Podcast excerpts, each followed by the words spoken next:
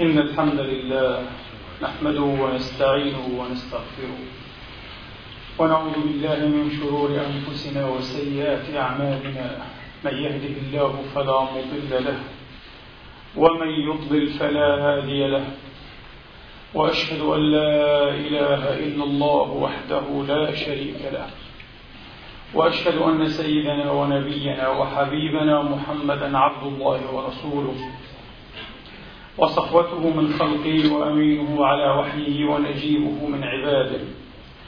صلى الله تعالى عليه وعلى آله الطيبين الطاهرين وصحابته المباركين الميامين. وأتباعهم بإحسان إلى يوم الدين وسلم تسليما كثيرا. عباد الله أوصيكم ونفسي الخاطئة بتقوى الله العظيم ولزوم طاعته. كما أحذركم وأحذر نفسي من عصيانه ومخالفة أمره لقوله سبحانه وتعالى من قائل من عمل صالحا فلنفسه ومن أساء فعليها وما ربك بظلام للعبيد. ثم أما بعد أيها الإخوة المسلمون الأحباب أيتها الأخوات المسلمات الفاضلات يقول المولى الجليل سبحانه وتعالى في محكم التنزيل بعد أن أعوذ بالله من الشيطان الرجيم. بسم الله الرحمن الرحيم. قل إني على بينة من ربي وكذبتم به. ما عندي ما تستعجلون به. إن الحكم إلا لله. يقص الحق وهو خير الفاصلين. قل لو أن عندي ما تستعجلون به لقضي الأمر بيني وبينكم. والله أعلم بالظالمين.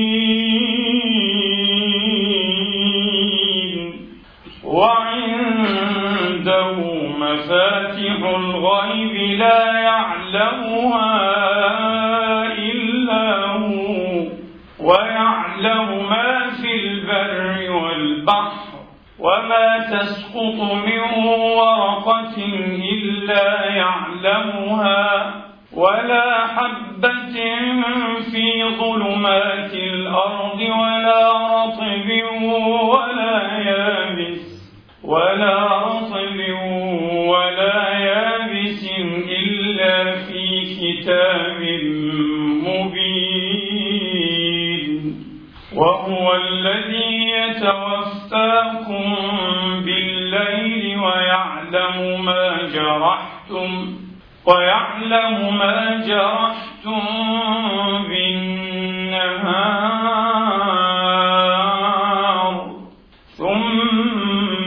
يبعثكم فيه ليقضى أجل مسمى.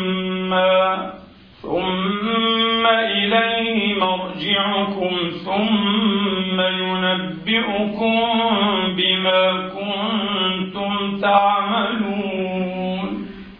وهو القاهر فوق عباده ويرسل عليكم حفظه.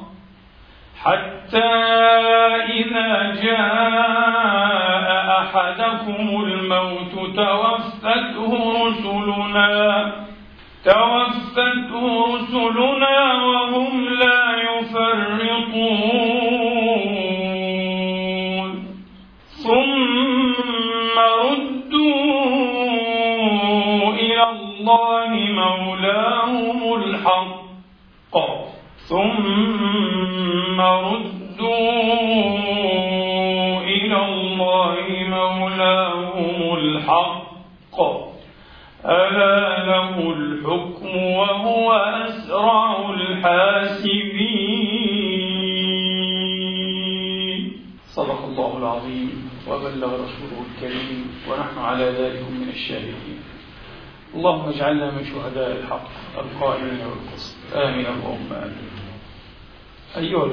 الأفاضل أيتها الأخوات الفاضلات. يتعبدنا الله سبحانه وتعالى بالإيمان به بذاته وأسمائه وصفاته وأفعاله لا إله إلا هو متوحدا في كل أولئكم متفردا. ومن جملة ما تعبدنا به لله سبحانه وتعالى وجل وعز أشياء تدخل في المشهود وأشياء بالإزاء أيها الإخوة هي في رحم الغيب في رحم الغيب. فمن ذلكم أيها الإخوة إيماننا بأنه سبحانه وتعالى علام الغيوب يعلم الغيوب كلها الحقيقية والإضافية كما سيأتي بيانه في أنحاء الخطبة إن شاء الله تبارك وتعالى. قل لا يعلم من في السماوات والأرض الغيب إلا الله وما يشعرون أيان وما يشعرون أيان يبعثون. هذا مما تعبدنا به أنه يعلم الغيوب. لا إله إلا هو. وهذا من جملة ماذا أيها الإخوة؟ من جملة الغيوب. أنه قادر أيها الإخوة على إحياء الموتى وبعث من في القبور. هذا من جملة الغيوب. قادر على إحياء الأرض بالنبت والمطر. هذا من جملة المشهود. ونحن متعبدون به. نحن متعبدون به مع أنه مشهود لنا. ومحسوس. ويقام عليه البرهان أيها الإخوة. ولا يستطيعه إلا هو.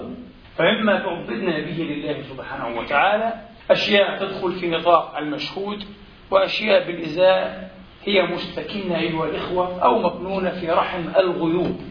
لكن لسائل أو مشاغب أن يسأل أو يشرب فيقول وهل ثمة غيب أصلا؟ فأنتم تعلمون وتعلمن أيها الإخوة والأخوات أن الماديين وأن الملاحدة والجاحدين المنكرين لا يؤمنون أصلا بالغيب. لماذا؟ لأن الإقرار بالغيب هو إقرار في نفس الوقت أيها الإخوة. بماذا؟ بصاحب الغيب. أي بمن قدر وبلغتنا بمن رسم وخطط سبحانه وتعالى. وهم لا يؤمنون بهذا. ويرون أن الأمر أنف لا غيب أيها الإخوة. لا مخبأ. كل ما حصل فقد حصل. أما ما لم يحصل فليس موجودا أصلا وليس مقدرا لأنه والعياذ بالله نعوذ بالله من زلات اللسان أيها الإخوة لا إله وبالتالي فلا تقدير ولا غيوب ولا مخبآت. وهذه خطة داخلة أيها الإخوة بعمق بنفاذ في الغباء ومخالفة المحسوسات والمأثورات والمتواترات. فشأن البشرية منذ كانت هذه البشرية أيها الإخوة أنها تؤمن بالغيوب بل كدت نفسها وأتعبت خاطرها وقدحت زناد رأيها وفكرها أيها الإخوة وتوسلت وسائل كثيرة واقتطت خططا جمة متوافرة للتكهن وللحدس ببعض هذه الغيوب. فما من حضارة من الحضارات ولنا أن نبدأ بأقدم الحضارات ضرا الحضارة السومرية. 3500 سنة قبل الميلاد. الآن هي في ألفيتها السادسة. أه؟ مر عليها ستة آلاف مع أنها من الحضارات الغابرة المنقرضة لها أساليب كثيرة أيها الإخوة ومأثورة ومزبورة في الحدس والتكهن بالغيوب وعلى منوالها سارت الحضارات الأخرى أيها الإخوة. بالأحرى نسجت. يقال نسج على الموالي في نهجها سارت وعلى منوالها نسجت حضارات أخرى كثيرة. الأقدم هي الحضارة الفرعونية ثلاثة آلاف ومائتي سنة قبل الميلاد. أيضا هي في الألفية السادسة الآن جاءت التاريخ. عرفت أيضا التكهن بالغيوب المعابد أو المواحي الموحى. أوراكي بعضهم يترجم هذه الكلمة بالمنجم بالعربية الصحيحة. آه، هي الموحى. المكان الذي يهبط فيه الوحي لتكلم الآلهة والعياذ بالله الوسطاء. وهم الكهنة وأكثر هؤلاء كانوا من الإناث أي كاهنات أو كواهن.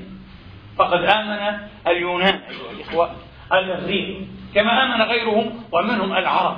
أن النساء أكثر استعدادا لتلقي الغيوب. ولذلك كانت كواهن العرب أكثر من كهانهم من ذكرانهم. وكواهن الإغريق أكثر أيضا من رجالهم الكهنة المتعاطين لهذه الأسباب ولهذه الأفانين العجيبة. على كل حال لهم مواحي أيها الإخوة مشهورة جدا. في مصر هناك مثلا موحى وهذا أفضل من كلمة معبد. ليس مجرد معبد هناك معابد وليست مواحي. لكن هذه مواحي يتلقى فيها الوحي بأعلام وأنباء وأخبار الغيوب أوراكلز هناك موحى الهليوبوليس وهناك موحى أمون رع مشهور جدا جدا. حتى كان بعض أباطرة الرومان يأتون إلى مصر لكي يستشيروا هذه المواهب. ويستخبروا أولئكم الكهنة والكواهن في بلاد الإغريق مواحد كثيرة جدا أشهرها دلفي موحى دلفي وقصته مشهورة لأسباب كثيرة. حتى سقراط نفسه ذهب إلى هنالك واستوحى وكان يؤمن بهذا. سقراط كان يؤمن بأنه مسير بقوة غيبية. أحيانا لا تدله بالضبط على ما ينبغي أن يفعله على حد تعبيره وإنما تدله في أكثر الأحايين على ما لا ينبغي أن يفعله. عاش ومات وهو يعتقد بهذا الشيء. بعض المليين المسيحيين حتى والمسلمين يعتقدون أن سقراط كان من الأنبياء. هناك بعض الدلائل وهناك بعض ما يعكر على هذا التوجه. على كل استوحاها وأخبرته الكاهنة هناك في دلفي أنه أحكم الخليقة طرا. لماذا؟ لأنه كان يظن أنه أجهل الناس وأنه لا يعرف شيئا. لا يعلم شيئا وهذا سر أحكميته أي كونه أحكم الناس في زمانه.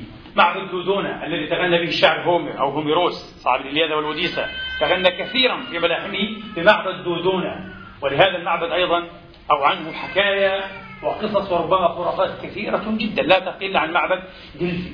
البابليون أيها الإخوة عرفوا هذا عن طريق الكلدان انتقل بعض فن التنجيم وبعض هذه الصناعة الأحكامية إلى بلاد العرب في الجاهلية. وإن كان العرب قليلي العلم ومنزوري المعرفة بهذا الفن أيها الإخوة جدا في جاهليتهم.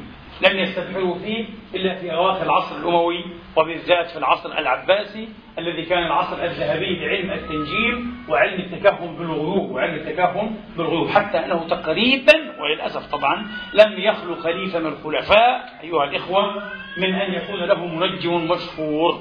وصار يتردد اسم المنجم في الفضاء تردد المنجم ذاته وتردد الشعراء والقضاة والخطباء الفصحاء والقادة العظام. لكن العرب في الجاهلية كانوا منزوري المعرفة والعلم بهذه الصناعة التي انتقلت إليهم عبر المهاجرين من الكهنة الكلدان أيها الإخوة بعد الغزو الفارسي لبلاد العراق. وبالذات بابل والدليل على ذلك مثلا في اللغة العربية في متن معجمنا يسمون هذا المتكهن بالغيوم الحازي والحزاء. في أول صحيح البخاري أيها الإخوة قصة أبي سفيان. آه قصة أبي سفيان مع هرقل وذكروا وكان حزاء هكذا. كان حزاء ينظر في النجوم. هذه الكلمة ليست عربية الأصل إنها كلدانية. يقولون حازي. حازي والحازي هو الناظر أو البصير أو الرائي الذي ينظر في النجوم. فحتى مصطلحات العلم أو بعض مصطلحات العلم أخذها العرب. هذا مصطلح أصيل. من اللغة إيه؟ الكلدانية من لغة الكلدان. ما من حضارة. حضارات الإنديز الأعلى أيها الإخوة. حضارات الشرق الأقصى. الصينيون من أشد الشعوب وأكثرهم شغفا. بالغيوب والتكهنات أيها الإخوة. الهنود لا يقلون عنهم البتة حتى أنه بحسب ما ذكر ول ديورانت في قصة الحضارة في فترة من الفترات بلغ عدد الكهان في بلاد الهند زهاء 2 مليون كاهن. وعدد الناظرين في النجوم أيها الإخوة فاتحي البخت زهاء مليون عفوا عدد الكهنة زهاء ثلاثة ملايين. هو ذكر ول ديورانت آه مليونين وثمانمائة وكسر آه وثمانمائة ألف وكسرا آه. يعني زهاء ثلاثة ملايين. وفاتحي زهاء المليون في إطار جغرافي واحد. يؤمنون بهذا. كل الشعوب آمنت بهذا. كل الشعوب آمنت ولا تزال تؤمن بهذا. نحن الآن في القرن الحادي والعشرين ولا يزال الناس يقرؤون الفنجان والكوتشينة وورق الشدة وينظرون إيه في اللهب لهيب النار وفي الزيت المسكوب. وفي الأواني الشفافة خاصة البلورية وفي الماء إذا سكن ها؟ ويقرؤون إيه؟ فناجين القهوة السادة بن بلا سكر ويتعاطون الهوروسكوب ويقرؤون الطوالع في الصحف اليومية. لا يزال الناس. ميتران رئيس فرنسا كان له منجمة خاصة به أعتقد اسمها مدام تسيير. آه. كان يستشيرها في دقيق أمره وجليله كما يقال. هتلر ومساعده الأكبر هنريش أو هنريش هيملر كانا يؤمنان بصناعة النجابة. أو التنجيب ومعرفة الغيب عن طريق التكهنات كان هتلر هتلر خمسة من المنجمين. يسألهم ويصدر أحيانا عن رأيهم. هذا معروف في تاريخه خمسة. جورج بوش الأكبر. قبل أن يدهن بغداد أو العراق أو في غزوته الشريرة الملعونة استشار منجما مشهورا في أمريكا. وأخذ برأيه. وغزا العراق. معروفة. كتبتها الصحف إيه في بداية التسعينيات العقد الأخير عفوا من القرن العشرين. لهم. ريغن كان مشهورا بهذا ريغن كان يتعاطى كثيرا مع المنجمين وأصحاب إيه؟ وأصحاب هذه الصناعات، هذه شخصيات مشهورة ولا يقل عنهم بعض إيه؟ ملوك وسلاطين وشيوخ العرب، لا نريد أن نذكر أسماء العرب أقاموا الدنيا وقعدوها لأن المتنبئ أو المنجم بالأحرى اليمني الشهير أمين مهدي الصافي المعروف إيه ببيت الفقيه والفقيه أيها الإخوة قد تنبأ وبدقة عجيبة ويعني جواه سنة تقريبا قبل إيه اغتيال انديرا غاندي ونزل هذا مكتوبا في تقويمه السنوي الذي يطبع باسمه وتحسر عليها وتكلم بسجع الكهان تكلم بطريقة مسجوعة ومسجعة كسجع كهان العرب في جاهليتهم وفي إيه؟ وفي إسلامهم أيضا للأسف وإن كان إيه؟ يعني بساط الكهانة كاد يطوى بالمرة ويا ليته طوي في أول الإسلام لكن أعادوها جدعة وقد ورد عن رسول الله وإن كان ضعيفا رواه عبد بن حميد وغيره أخشى ما أخشى على أمتي. التكذيب بالقدر والتصديق بالنجوم. وقد حصل. النبي كان يخشى هذا إيه؟ على أمتي. وهو القائل منفرا ومدمدما ومثربا ومزهدا صلى الله عليه وسلم من أتى عرافا فصدقه بما يقول لم تقبل له صلاة أربعين يوم أو قال ليلة أخرجه مسلم. وعند بعض أهل السنن كأبي داود والإمام الحاكم من أتى كاهنا فصدقه بما يقول فقد كفر بما أنزل على محمد. وعند بعض أهل السنن من أتى عرافا أو كاهنا فصدقه بما يقول فقد كفر بما أنزل على محمد. النبي نهى عن العيافة سجل الطير وربما يأتي بيانه ونهى عن الطرق طرق الحصى وطرق الحبوب والنوى أيها الإخوة ونهى عن التطير وجعلها من الجبت. قال هي من الجبت. والجبت أخو الطاغوت والعياذ بالله تبارك وتعالى. وفي أحاديث أخرى جعل الطير من الشرك جعل الطير من الشرك. وأخبر أن لا علاقة لهذه الأجرام والكوائن العلوية الهائلة الحجوم أيها الإخوة والقدرة والطاقة بمصائر العباد لا بميلادهم ولا بموتهم. حين قال في الحديث المشهور حتى لدى العامة إن الشمس والقمر آيتان من آيات الله لا يكسفان أه؟ لموت أحد ولا لحياته. فإذا رأيتم إيه ذلك أو شيء من ذلك فافزعوا من الصلاة. قال ما في علاقة بين موت ابني الوحيد إبراهيم وبين إيه؟ كسوف أو انكساف الشمس. قال لا علاقة كلام فارغ هذه خرافات هذه أساطير. كلها خرافات وأساطير. لا نصيب لها من الصحة. لكن أعدتها الأمة جزعة في أوروبا الحال أيضا كان مقاربا إن لم يكن أسوأ. في البداية في بداية العصور الوسطى حاربت الكنيسة التنجيم وتبرأت منه أيها الإخوة وحادته وجفته. لكن بعد ذلك حدثت انعطافة خطيرة جدا جدا مع بعض البابوات كالبابا سيلفستر أيها الإخوة ويوحنا السابع والعاشر والحادي عشر وغير هؤلاء الذين بدأوا يؤمنون بالتنجيم. ويتعاطفون معه ومع من يتعاطاه حتى إذا بلغنا القرن الخامس عشر وربما النصف الأول من القرن السادس عشر كان ذلكم العصر الذهبي في أوروبا للتنجيم وعلوم الخير وفي القرن السادس عشر بالذات ارتفع وبدل إيه؟ نجم أشهر شخصيتين في ذلكم القرن إن لم يكن في العصور الوسطى بل والحديثة في هذه العلوم العجائبية الخوارقية؟ شخصية ميخائيل أو مايكل نوستراداموس وهنري أجريبا أشهر الشخصيات على الإطلاق في عصرهم وربما إلى يومنا هذا في النبوءات الأكثر شهرة ربما الآن هو نوستراداموس بفضل كتابه الذي تركه وراءه القرون رباعيات القرون وهي تقريبا يعني ألف رباعية إلا إيه؟ إلا شيئا يسيرا. 900 تقريبا و65 رباعية. تقريبا هي تبلغ 965 رباعية. فيها أشياء عجيبة. ما الفائدة من هذا؟ بعض الناس يقول هذا كله كما قلت قبيل قليل حكاية خلاليف كما نقول بالعامية. خرافات لا نصيب لها وبعضهم يقول كلا هذا غير صحيح. إنهم يصيبون أحيانا. حتى الحديث المنسوب إلى رسول الله. الرسول لم يقل هذا الحديث. وليس هذا إيه؟ يعني من فحولة كلام إيه؟ النبوة. كذب المنجمون ولو صدقوا. وفي رواية يعرفها العامة. هكذا. الرواية هي شيء غير مروي أصلا. كلام باطل. لا خطام له ولا زمام كذب المنجمون ولو صدقوا. لا صدقوا ولا صدقوا. حتى في هذا هي القول المنسوب كذبا إلى رسول الله صلى الله عليه وسلم المنفول عليه بهتانا يبدو أن ناحله وكاذبه أيها الإخوة لا حظ أنهم يصيبون أحيانا. كما قال شاعر العرب وهو أحد المكذبين بالتنجيم هذا الشاعر قال بلى شيء يوافق بعض شيء أحايينا أه؟ وباطله كثير. بلى سأضرب عما قلت يعني. قال أنا إيه ألغيت الكل قضيت على الكل بالكذب والتكذيب لكن لا أحيانا قال يصدقون قال بلى أه؟ شيء يعني هو شيء يوافق بعض شيء أحايينا أه؟ وباطله كثير باطله أكثر لكن هذا لا يسعفنا هذه الموافقات عجائبية صحيح أن شطرا عظيما من نبوءات هؤلاء المتنبئين الكذبة أو المزورين أو المنتحرين أو المتمعيشين إنما يصوغونها ويفرغونها في قالب من التعمية والإلغاز والإبهام والعموميات بحيث تكون قابلة للتفسير على إيه؟ على وجه وضده وبهذا ينقذون إيه؟ حرفتهم وماء وجههم ويضمنون ربما إيش قرشهم دينارهم لكن بعض هذه التكهنات والنبوءات دقيقة جدا بتفاصيل فعلا خوارقية عجائبية يذهل ويحتار أيها الإخوة الذهن إيه إزاءها أو أمامها. أشياء دقيقة جدا غير عادية. طبعا وهناك إيه؟ آلاف بل عشرات إن لم يكن عشرات آلاف الوقائع والأحداث التي كذبوا فيها. وحري بنا أن نؤكد أيضا إيه أيها الإخوة؟ أن نؤكد هذه الأكاذيب وهذه الحالات التي فشلوا فيها أن يبرهنوا دعواهم لماذا؟ حتى يوقن الناس أن الأمر ليس كما يتخيلون أو ليس كما يخيل إليهم ليس كما يخيل إليهم في العصور الوسطى مثلا نأخذ في النطاق الإسلامي؟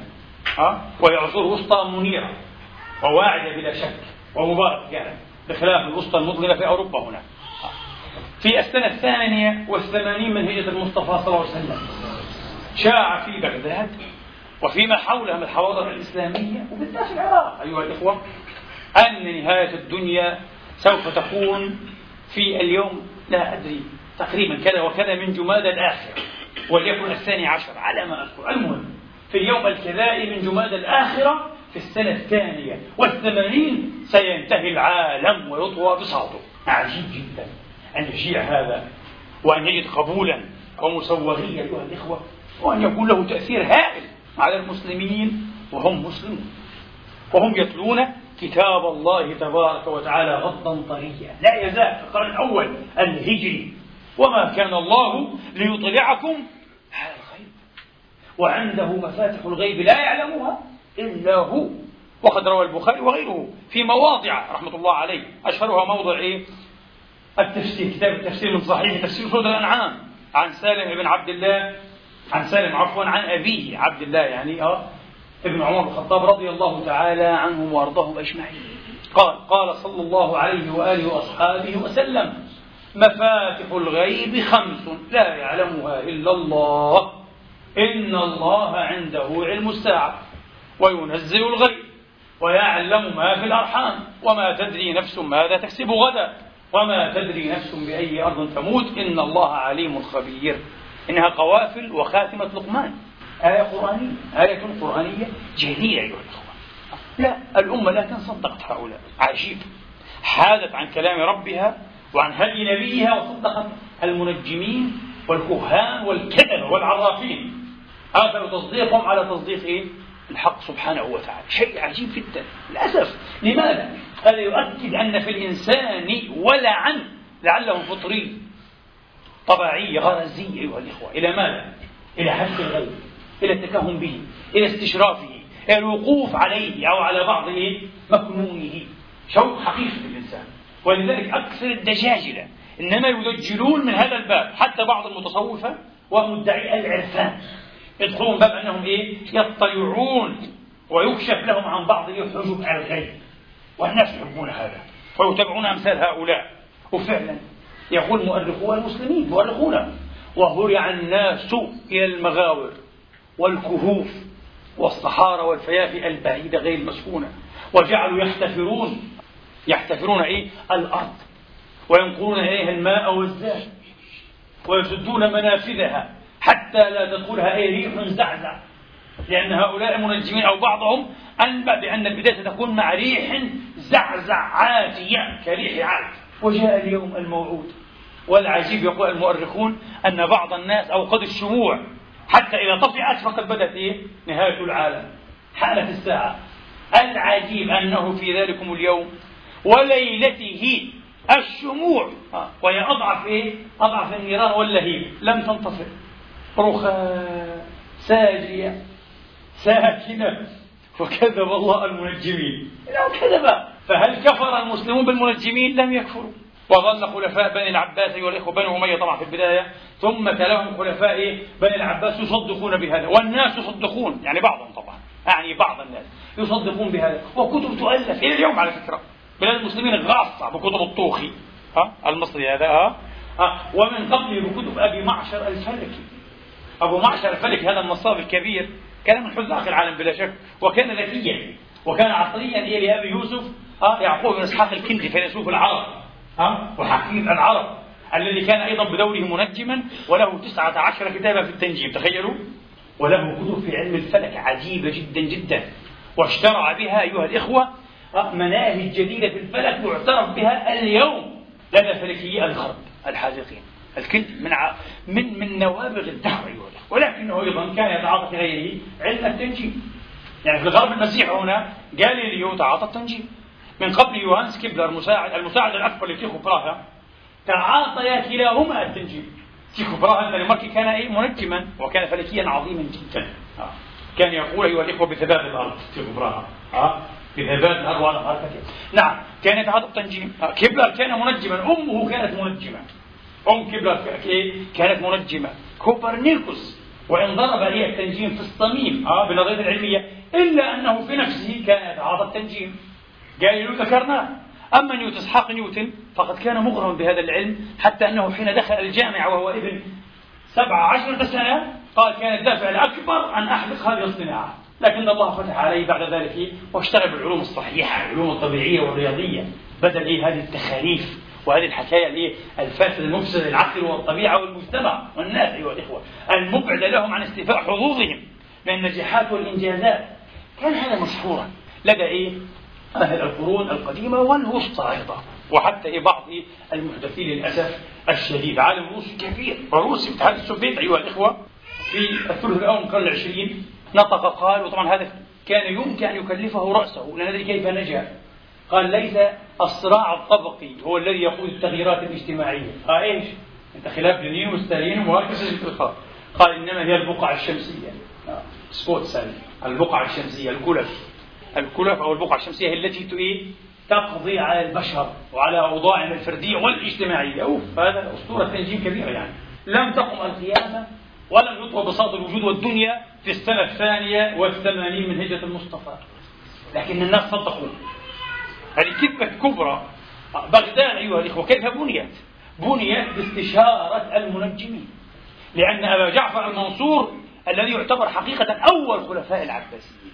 أبو العباس سفاح عمه يعني له أيادي لكن آه الخليفة الحقيقي أول خلفاء المؤسسين العظام أبو جعفر وليس إيه السفاح أبو جعفر كان مغرما جدا بهذه الصناعة وبمن يتعاطاها. في عهد الرشيد بلغ في العصر الذهبي. الرشيد كان يقدر ويكرم آه المنجمين ويحتفي بهم ويأخذ إلى أقاويله للأسف الشديد.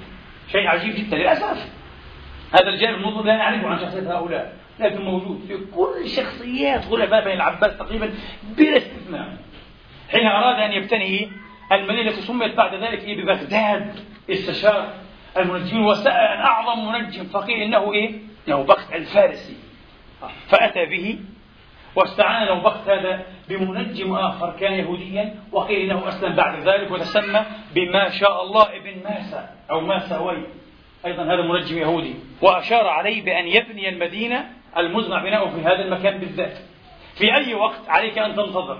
ضرب أخماسا في أسداد حسابات وأشياء وطوالع. أيها الإخوة آه في الوقت الفلاني في اليوم الفلاني في الساعة الفلانية أحسن وقت للبناء. طيب وشروع في بناء بغداد. الآن بعض الجائزة بعض جائزة هؤلاء المنجمين أيضا لهذا الذي عظمهم وقدرهم واحتفى بهم. بعض الجائزة إليك البشرى. لن يقتل فيها أو لن يموت فيها حتى ميتة طبيعية ها؟ خليفة أو إمام يعني. طالما أنت في بغداد أنت حي مخلد. لكن القدر غلاب. حتى الخلفاء صدقوا هذه الكتب الكبرى أيها الإخوة.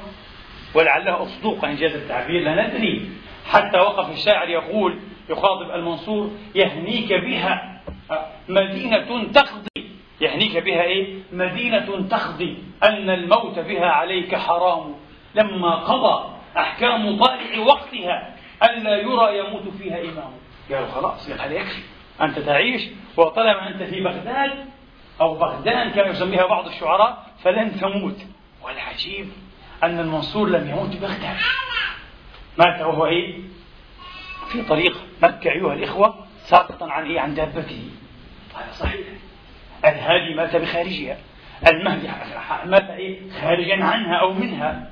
كلهم يموتون إيه؟ خارج بغداد لم يمت واحد. وبدأت هذه الأكذوبة تترسخ عند الناس. تترسخ عند إيه؟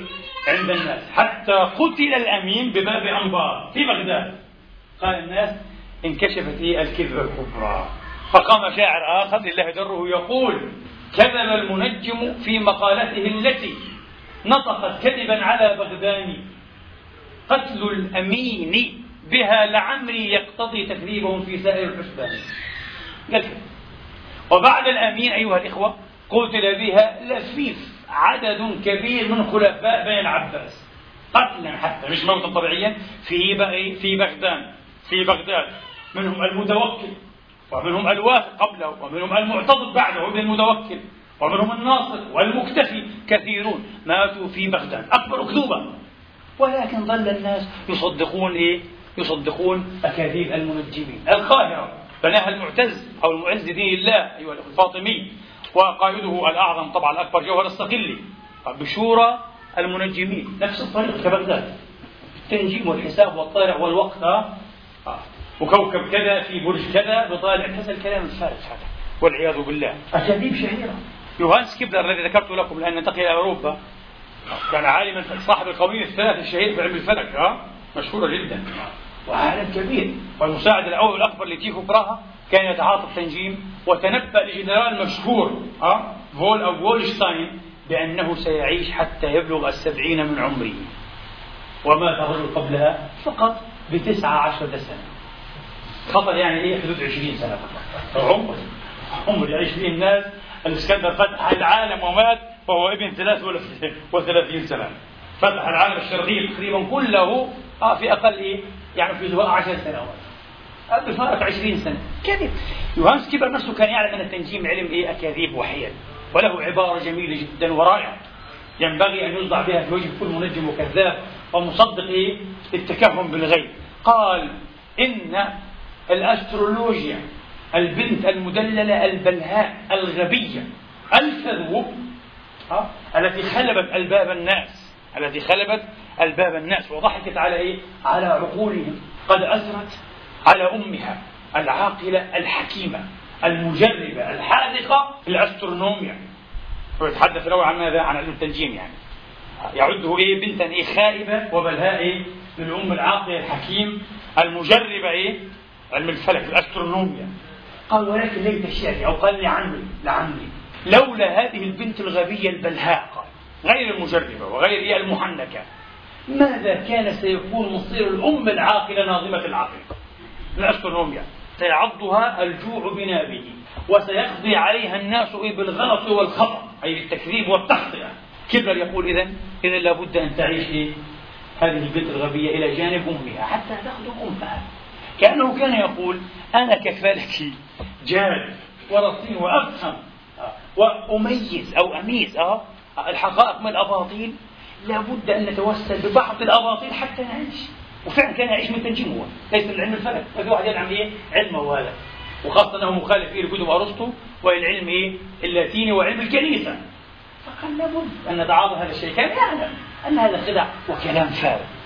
لكن في المقابل أيها الإخوة هناك بعض النبوات صدقت كما قلت لكم على وجه محير وعجائبي شيء عجيب و يعني لا يكاد يصدق. العرب مثلا يأثرون عن كاهنة اليمن الشهيرة المسماة بطريفة وبعضهم يقول ظريفة وهي زوجة عمران ابن عامر أخو أو شقيق عمرو بن عامر الذي آلت إليه رئاسة القحطانيين في البلاد اليمنية. هذه الطريفة كانت زوجة إيه؟ عمران هذا ابن عامر. هناك قصة عجيبة يعني صدقت كلها فهي عجب تتنبأ فيها قبل سنين قبل بضع سنين أيها الإخوة وبضع سنوات بهلاكهم بالسيل العرب بالسيل العرب المندفق من سد مأرب يعني. والمشار إليه في كتاب الله تبارك وتعالى. قصة طويلة تحتاج في قصة ربما إلى عشر دقائق. مكتوبة على كل حال في كتب إيه؟ تاريخ الأدب العربي. ووقع ذلك حتى أن هجرتهم هجرة زوج أخيها قائد القحطانيين وهجرة زوجها وأولاده وأحفاده كانت بسبب هذه النبوءة وقامت عليها دلائل كثيرة عقمتها هي فهاجروا. بعضهم صاروا في أزد عمان وبعضهم صاروا في غير ذلك من الأماكن كرم وغيرها. على كل حال هذه هو صدقة هناك أيضا يا أيها الإخوة نبوءات تصدق على نحو إيه؟ على نحو يحتمل التأويل. على نحو يحتمل التأويل. تراجان الإمبراطور الروماني الشهير أتى إلى هليوبوليس في مصر في هذا الموحى الشهير واستشارهم قبل معركة إيه؟ مرتا التي قتل فيها. فأجابه الكهنة المصريون جوابا صامتا. قدموا إليه غصنا مكسورا. طبعا هذا منطق جدا. يمكن أقوم به أنا وأنت. في معركة مع فاتح وقائد عظيم إمبراطور مثل هذا تقريبا 90% ستهزم إيه إحدى القوتين. ما في تعارض تقريبا 90% وحين أقدم له غصن مكسور يعني رأس كبيرة مكسورة إما رأسه هو رأس إيه؟ العدو يعني. ما هو المسكين إيه؟ صدق. صدق وهمه. يسموه التفكير الرغبوي. ويشفول هو يرغب أن يكون هو المنتصر وأن يكون خصيمه وأن يكون إيه خصيمه عفوا هو إيه؟ المنهزم. فذهب الحرب وقتل فيها وحمل فعلا جثمانه على إيه؟ على محفة إلى روما. هذا يذكرنا بقصة مشهورة جدا لعلها من أشهر قصص إيه؟ المنجمين مع الأباطرة والملوك العظام في العصور القديمة في العصور القديمة.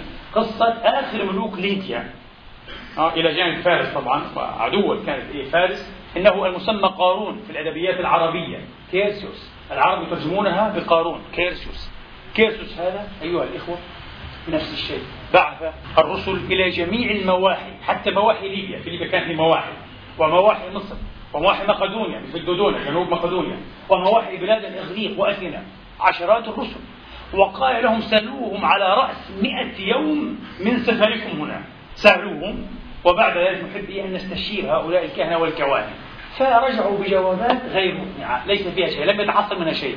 إلا كاهنة معبد دلفي أو موحى دلفي قالت أنا أسمع الأبكم أنا أسمع عفوا الأصم وأنطق الأبكم ها؟ وأري الأعمى وأسمع صوت إيه؟ الرياح المتعاوية وأعلم كذا. بدأت تشير إيه بنفسها وتفخر أيها الإخوة وتفشر أيضا. ثم قالت وما أراه الآن. سلحفاء وشاء. في قص بلون الذهب أعلاه ذهب وتحته نار. قال ما فهم شيء عجيب أنا أرى وشم الآن أشياء عجيبة فلما عادوا إلى إيه؟ قارون أو كيرسيوس قال عجيب هذا بالضبط ما كنت أفعله ولا أدري ما فعلته قبل مئة يوم. في يوم إيه؟ منصرف الرسل من عندي. قال أخذت شاة وسلحفاة وقطعتهما إربا وغليتهما إيه؟ على نار تحت عفوا على في ماء أو في قدر وتحته نار هذا القدر من نحاس وغطاؤه من نحاس. قال هذه تعرف بذلك. ثم استشارها. هل يغزو بلاد فارس التي كان على رأس الإمبراطور الفارسي العظيم سايروس؟ سايروس كايروس. تحرف عند العرب إلى ماذا؟ قرش في سايروس الأول وسايروس الثاني ها انتبهوا. سايروس هو قرش لأنه مكتوب بالسياء أيها الإخوة. العرب جعلوا إيه كايروس ثم قالوا إيش؟ قرش على كل حال وكان ملكا مسلطا وعظيما. ويحكى أشياء كثيرة عن عدله واتزانه وحكمته. المهم وسألها فكان الجواب بعد أن قدم آلاف ثلاثة آلاف رأس أه؟ ومئات الكيلات من الذهب والفضة والأعمدة والنفائس لمعبد أو موحى دلفي. وأتاه الجواب إذا خضت هذه الحرب فإنك ستدمر إمبراطورية عظيمة. أيضا هذا يقبل إيه؟ الوجهين. وخاضها قارون التاعس البائس هذا.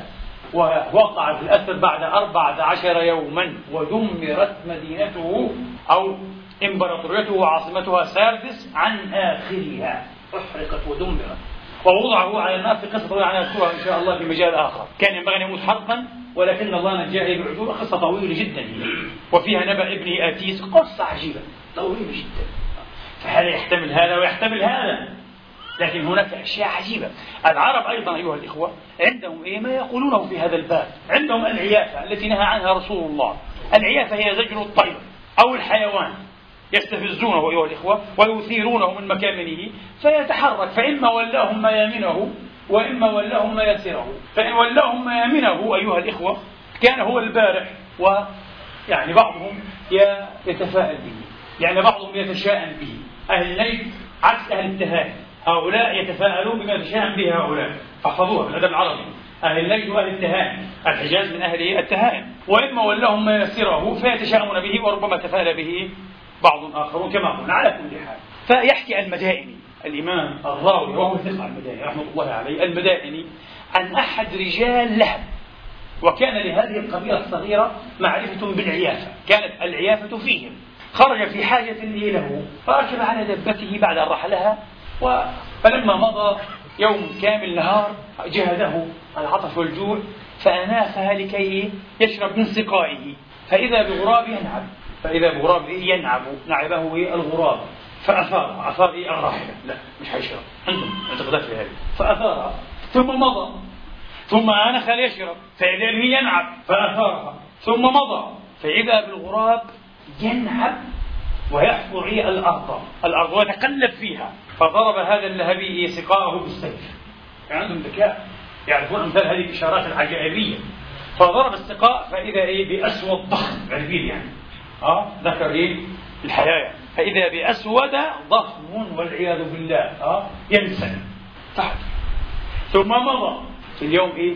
في بقية يومه. فإذا بغراب آخر يحض على شجرة فطيره بصوت أو بحركة. فحط على سلمة. نبات من نبات الصحراء. فطيره فحط على شيء ثالث على الأرض. وجعل يبحث تحت شجرة. فطيره وقصد المكان فإذا بكنز الحمد لله. وعاد إلى أبيه قال له أبوه هذا العجيب في القصة. حدثني بالذي اتفق لك. قال جرى معي كذا وكذا وذكره أول ما كان من أمري. قال أثره وإلا فلست بابني أثر ماذا؟ أثر الجمل يعني. أثر إيه؟ جملك. أو إن كانت ناقة أثرها. أثره وإلا فلست بابني قال أثرته. لم أشرب أثرته بعد أن أخذه يعني الجمل. قال وحدث كذا قال أثره في المرة الثانية وإلا فلست بابني قال أثرته يا أبتي. قال فعلت متعلم ومن شبه أبه فما ظلم. قال في المرة الثالثة قال اضرب السقاء بالسيف وإلا فلست بابني قال ضربته فإذا بأسود ضخم. قال أحسنت. ثم ماذا؟ قال كذا قال طيره وإلا فلست بابني للغراب قال طيرته. في الثاني قال طيره والا فلست بابني قال طيرته. في الثالثة قال طيره ثم ماذا وجدت؟ قال كنز قال أحسنت. شيء عجيب هذا يصدق؟ موجود عند العرب. كثير عزة الشاعر المشهور هذا مش جاهلي هذا اسلامي ذهب إلى مصر يقصد عزته وكانت في مصر في تلك الفترة هي ما في مصر معروف تاريخ الادب فلقيه أعرابي أيها الإخوة من الأعراب أعراب الباديه إلى أين يا بني؟ قال إلى مصر. تريد ماذا؟ قال أريد عزة. عزة بمصر قال ماذا لقيت إيه في طريقك قال رأيت غرابا حط على بانة ينتف ريشه. قال عز مات العربي قال عز مات لن لن تراه هذا الذي رأيته انتهى كل شيء. عز مات كذب الرجل لا يريد رغبويا ذهب. فلما وصل إلى مصر رأى الناس يبنون صرفهم من جنازة. دفينهم خلصهم فقال فأما غراب فغربة واغتراب وبان فبين من حبيب إيه تعاشر قال بيته المشهور هذا. قال شوفت غراب على بانة. ينتف شو البانة؟ نوع ضرب من من من ضروب الشجر أيها الإخوة طويل يشبه الحسان الغيث به في الطول واللين والرقة. شجر طويل أوراقه لينة اسمه البان. واحدته بانة. هو قال رأيت غرابا على بانة. ما المناسبات بين الإحداث وبين إيه؟ هذه الأشياء مناسبات خفية غير معقولة لا يمكن أن تدرك العقل لها وجها غير مفهوم. لكن هذا ما حدث. في العصر كما قلنا إيه الذهب التنجيم وعلوم إيه الكهانة وعلوم الغيب وهو عصر هارون الرشيد. أراد الرشيد أن يختبر أحد إيه؟ أحد هؤلاء وكان أعمى. لا يبصر أيها الإخوة. وكان ذكيا جدا مفرط الذكاء. سيء الذهن. آه. وقال لهم إذا حضر هذا المتنبئ فلا تتكلموا لا يتكلمن أحد لأنه بالصوت بالنحنحة يعرف ذكي جدا يفسر كل شيء يستدل على شيء. هذا الذكاء العربي الأصيل. آه. الذكاء العربي فعلا ذكاء عجيب عكس بعض العالمين اليوم على كل حال فقال لا يتكلمن أي أحد بكلمة. ثم سأله ضاع منا شيء. أتدري ما هو؟ فأراد أن يتسمع. لم ينبت أحد انكشف كلهم سكتوا أرموا. لا حس ولا ركز. فاستشعر الأرض بيده. نوى تمر فقال هذا المتكهن المتنبئ قال يا أمير المؤمنين فقدتم من خزنتكم صفقا. يوضع فيه مجوهرات هذا الوضوء الأشياء الطيبة الصفقة. إناء بسيط هكذا فاخذتم إيه؟ صفقا فيه در وزمرد. وياقوت قال أحسنت. شيء عجيب صحيح. آه. الرجل كان متعاطف مع المنجمين والكهان ومتعاطفهم الغيب. كان يرى أشياء مثل هذه عجيبة. قال أحسنت. أين هو؟ فتسمع. فسمع إيه؟ صوت ذنوب سطل. فقال في بئر يا نون. قال صحيح في بئر. دلنا كيف عرفت هذا؟ قال أنا لم أسمع في البداية شيئا فتحسست الأرض. فإذا بنوى تمر فتذكرت الطلع وهو أبيض. فقلت هذا در الدر أبيض. ثم قلت يصير الطلع هذا يصير بشرى وهو أخضر. الاخضر هو الزمرد. فيصير إيه رطبا وهو أحمر والأحمر هو الياقوت. قال عجيب هذا صحيح. طبعا هذه المسألة مش مسألة إيه؟ كما سموها أحكامية. قواعد أيها الإخوة ها؟ وأحكام في مسألة حدسية إلهامية إلقائية تلقى في الروح. وسنرى فلسفتها إن شاء الله في الجزء الأهم الجزء الشرعي من الخطبة. بطريقة إن شاء الله نرجو أن تكون هي يعني صحيحة لأنها مبتكرة. هذا مما انتهى إليه يعني تحقيق المرء في المسألة. سوف نتساءل عن هذه المسألة كيف؟ هذا حصل ويحصل طبعا. حصل قال فكيف عرفت مكانه؟ قال سمعت صوت إيه عفوا صوت إيه ذنوب دلو يعني. فعلمت أنه في البئر دلو معناها في البئر قال صحيح. وصدق طيب هذه صدفة. في أشياء تصدق مارك توين الأديب الفكاهي الكوميديان هي الأمريكي الشهير جدا. عاش معظم حياته تسعة أعشار حياته فقيرا. ولذلك ألف أحد الاقتصاديين الأمريكان الكبار كتابا اسمه إيه؟ قلة المال سبب البلاء. مارك توين. منسوبة إليه طبعا بهذه الكلمة. جعلها عنوان كتاب فنبأ له أحد المتنبئين بأنه يغتني ويصبح غنيا جدا بعد الثامن والستين من عمره. وهكذا كان بالضبط. بعد 68 أذكر الآن ولم اراجعه لأن قرأت هذا قبل إيه ربما 20 سنة.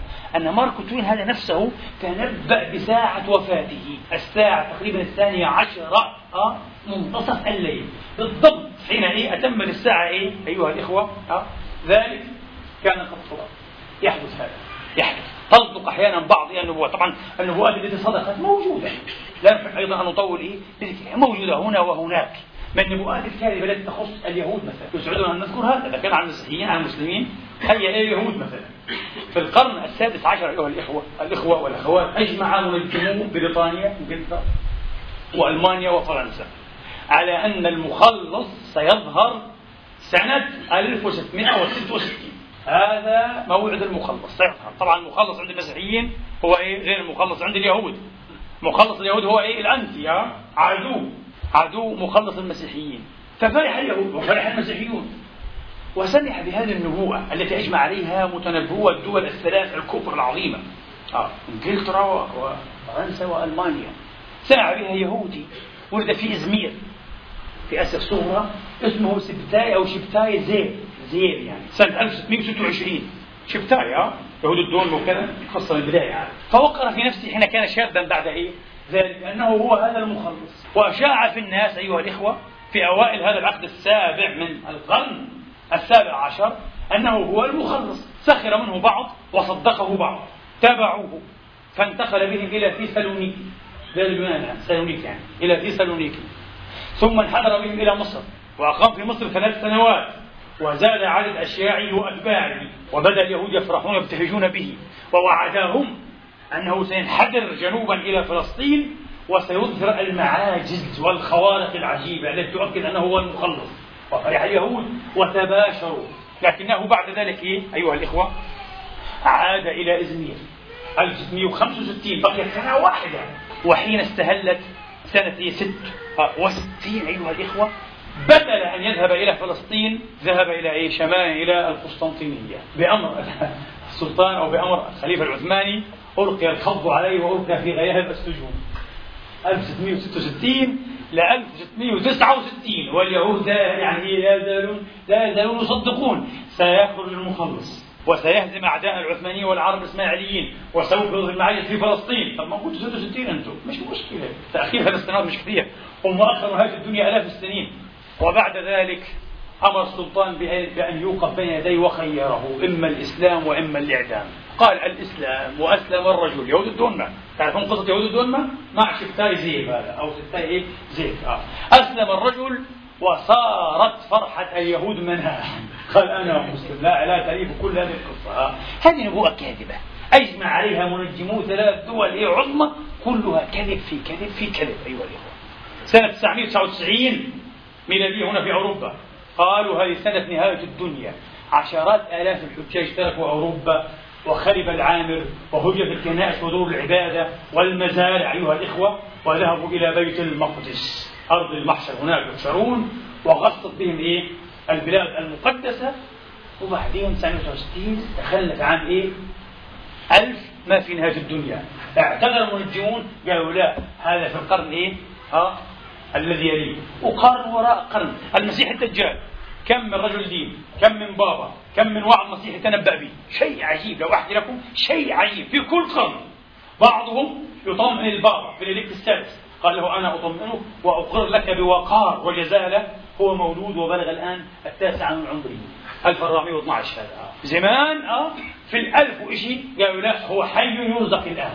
وبعد إيه؟ بعد تقريبا إيه؟ 400 سنة. لا ولد تسع سنوات متنبئة اسمها إيه جوزيفين فرنسية آه لامارتين جوزيفين لامارتين متنبئة فرنسية مشهورة من بلاد اللورين.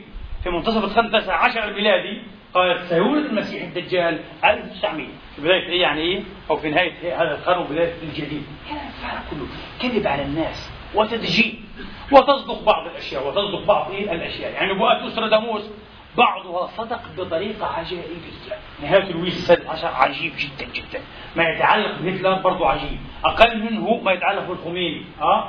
لكن مثل هتلر نابليون أشياء عجيبة دقيقة دقيقة. وبعضها بالعكس. كذبها الزمن. يعني 1993 كان لابد أن يقع حدث عظيم جدا في العالم. بحسب مستوى يقع شيء كلام فارغ. وشارك فيه الاسماعيليون العرب. فأشياء تصدق وأشياء تكذب. ما الحكاية؟ بعض الناس يستسهل هذه طريقة المشايخ للأسف آه؟ وكل هذا كذب هذا لا يفسر لنا كيف يصدقون أحيانا بطريقة عجائبية يذكرون فيها التفاصيل. أنا أعرف رجلا صالحا معرفة شخصية وهذا الرجل له بعض النبوءات فعلا عجائبية. يعني يحدث فيها مثلا آه بمشوار حياة إنسان أو إنسانة يعني ان جاز التعبير آه لست سنوات مستقبله بدقة عجيبة. بما يتعلق بأمر معين طبعا مش كل شيء مستحيل. أمر معين أمر الزواج بدقة عجيبة. سيحصل هذا ثم هذا لن يكون هذا ثم هذا في ست سنوات ثم يحصل كل هذا كما أنبأ أعرف هذا معرفة شخصية وأعرف عنه أشياء مثل هذه شخصيا. هذا يحدث لا سبيل لإنكاره أحد إخواني هنا في المسجد قال لي أوقفني رجل هندي يلبس لباس هؤلاء المهراج أو الكهان لا أدري. قال أوقفني. قال لا أعرفه لم أراه قبل ذلك. قال تعال أنت متزوج؟ قلت متزوج. قال لك زوجتان؟ قلت صحيح. قال لك من الأولى كذا وكذا من الولد؟ قلت صحيح. قال لك الثانية كذا. لك كذا. وضعك المالي الآن كذا كذا. قال كل ما أخبرني به صحيح على المسطرة بدقة عجيبة يحدث. هذا يحدث ولا يزال يحدث. لا نستطيع أن نكذب هذا. عمر بن الخطاب أشياء كثيرة عنه تحكى. من أنت ابن من؟ من أين كذا؟ قال إذا إلى بيتي فقد احترق. ذهب فإذا بيت رجل يحترق شيخ الإسلام ابن تيمية شيخ سلفي أثري عظيم رحمة الله تعالى عليه. حين كان إلى أهل الشام وبالذات دمشق في شدة من خوف وفزع ووجل من التتار المغول خرج الرجل رحمة الله عليه وأخبرهم أن المعركة ستقع وأننا سننتصر عليهم. قالوا قل إن شاء الله. قال والله العظيم لننتصرن قالوا يا شيخ الإسلام استثني. فحلف خمسين أو ستين يمينا أننا سننتصر. ثم قال إن شاء الله. كان ذلك في الكتاب مسطورا ووقع النصر. لماذا يحلف شيخ؟ يحلف شيخ من شيوخ الإسلام العظام. آه خمسين أو ستين يمينا. وحصل كما قال الرجل كان موقنا هذا يحدث هذا لصالح المسلمين أيها يحدث لغير المسلمين يحدث للأسف مش للأسف للعجب لماذا نقول الأسف بالعكس ليس الأسف من حسن الحظ يحدث ولكن للعجب لبعض الملاحدة والمنكرين والكافرين. فما الحكاية؟ والحكاية معقدة جدا. باختصار يا إخواني الغيب غيبان. قل لا يعلم من في السماوات والأرض. الغيب إلا الله ولا استثناء هنا. الله لم يستثني.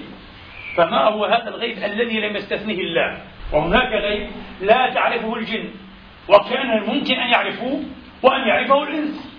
فلما قضينا عليه الموت ما دلهم أي ما دل الجن على موته إلا دابة الأرض تأكل من سأته. فلما خر تبينت الجن أن لو كانوا يعلمون الغيب وهو ماذا؟ حدث أو وقعت موت سليمان. هذا أمر مشهور.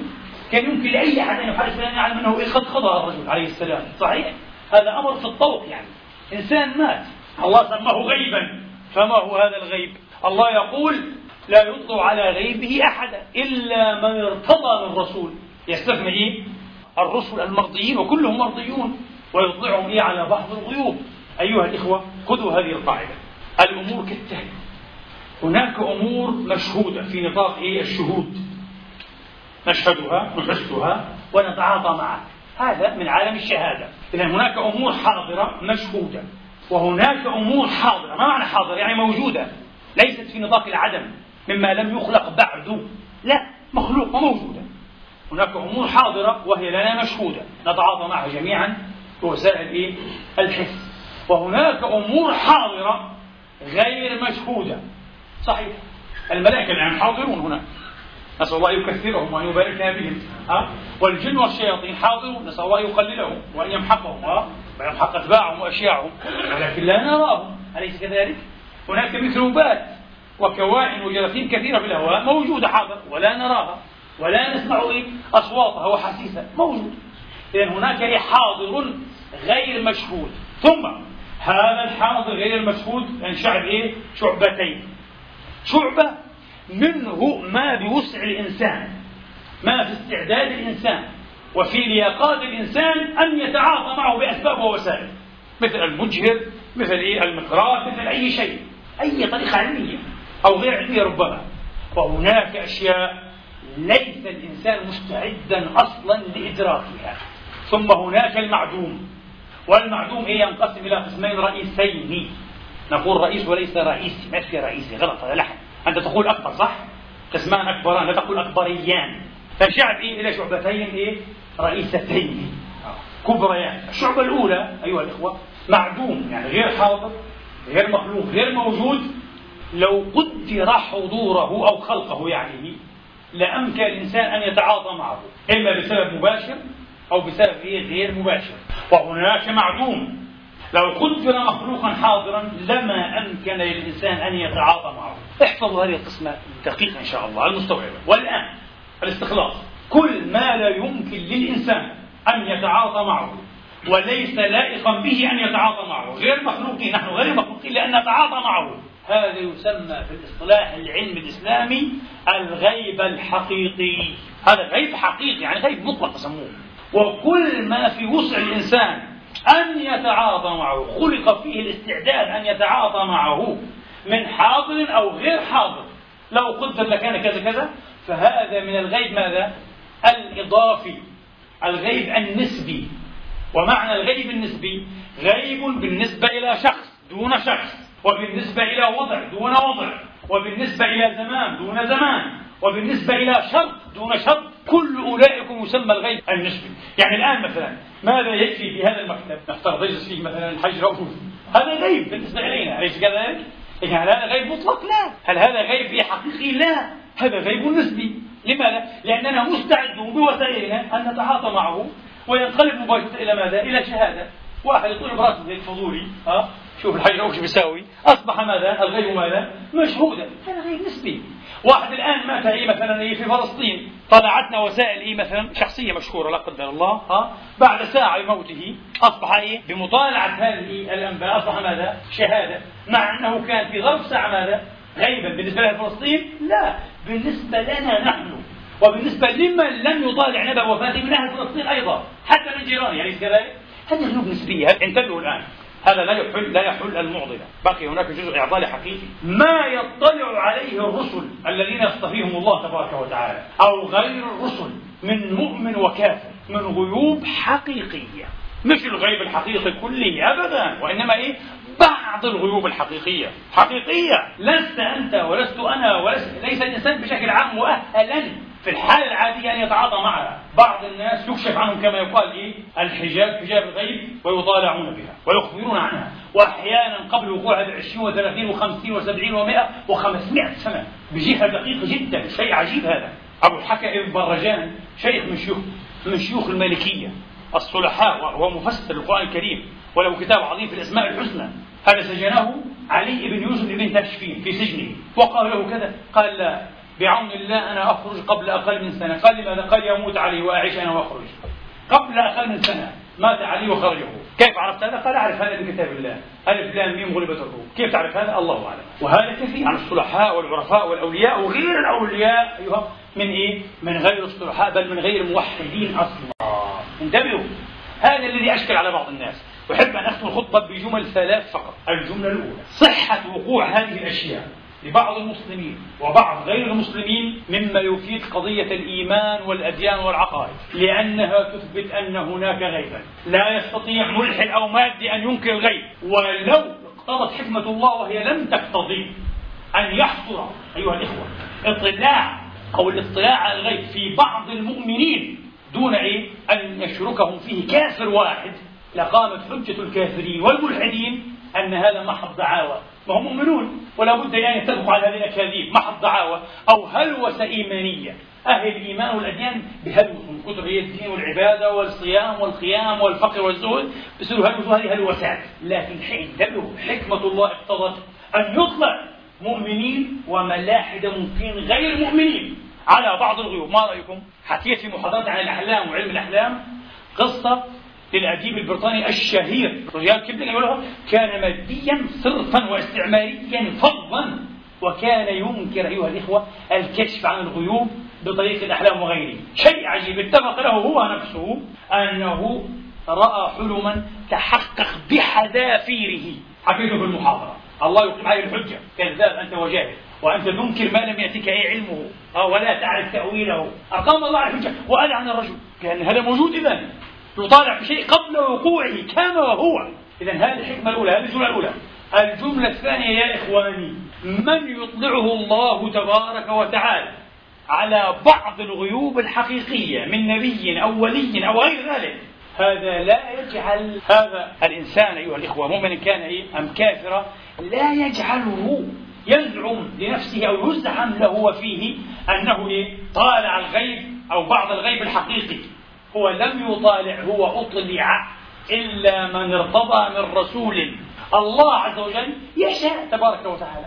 يشاء أن يستثني هذا الإنسان ويطلعه أن يستثنيه ويطلعه على بعض الغيب لحجة أو لحاجة. فهذا ليس من علومه الكسبية انتبهوا. هو لم يكتسبه إيه بنفسه؟ وإنما وهبه أعطيه.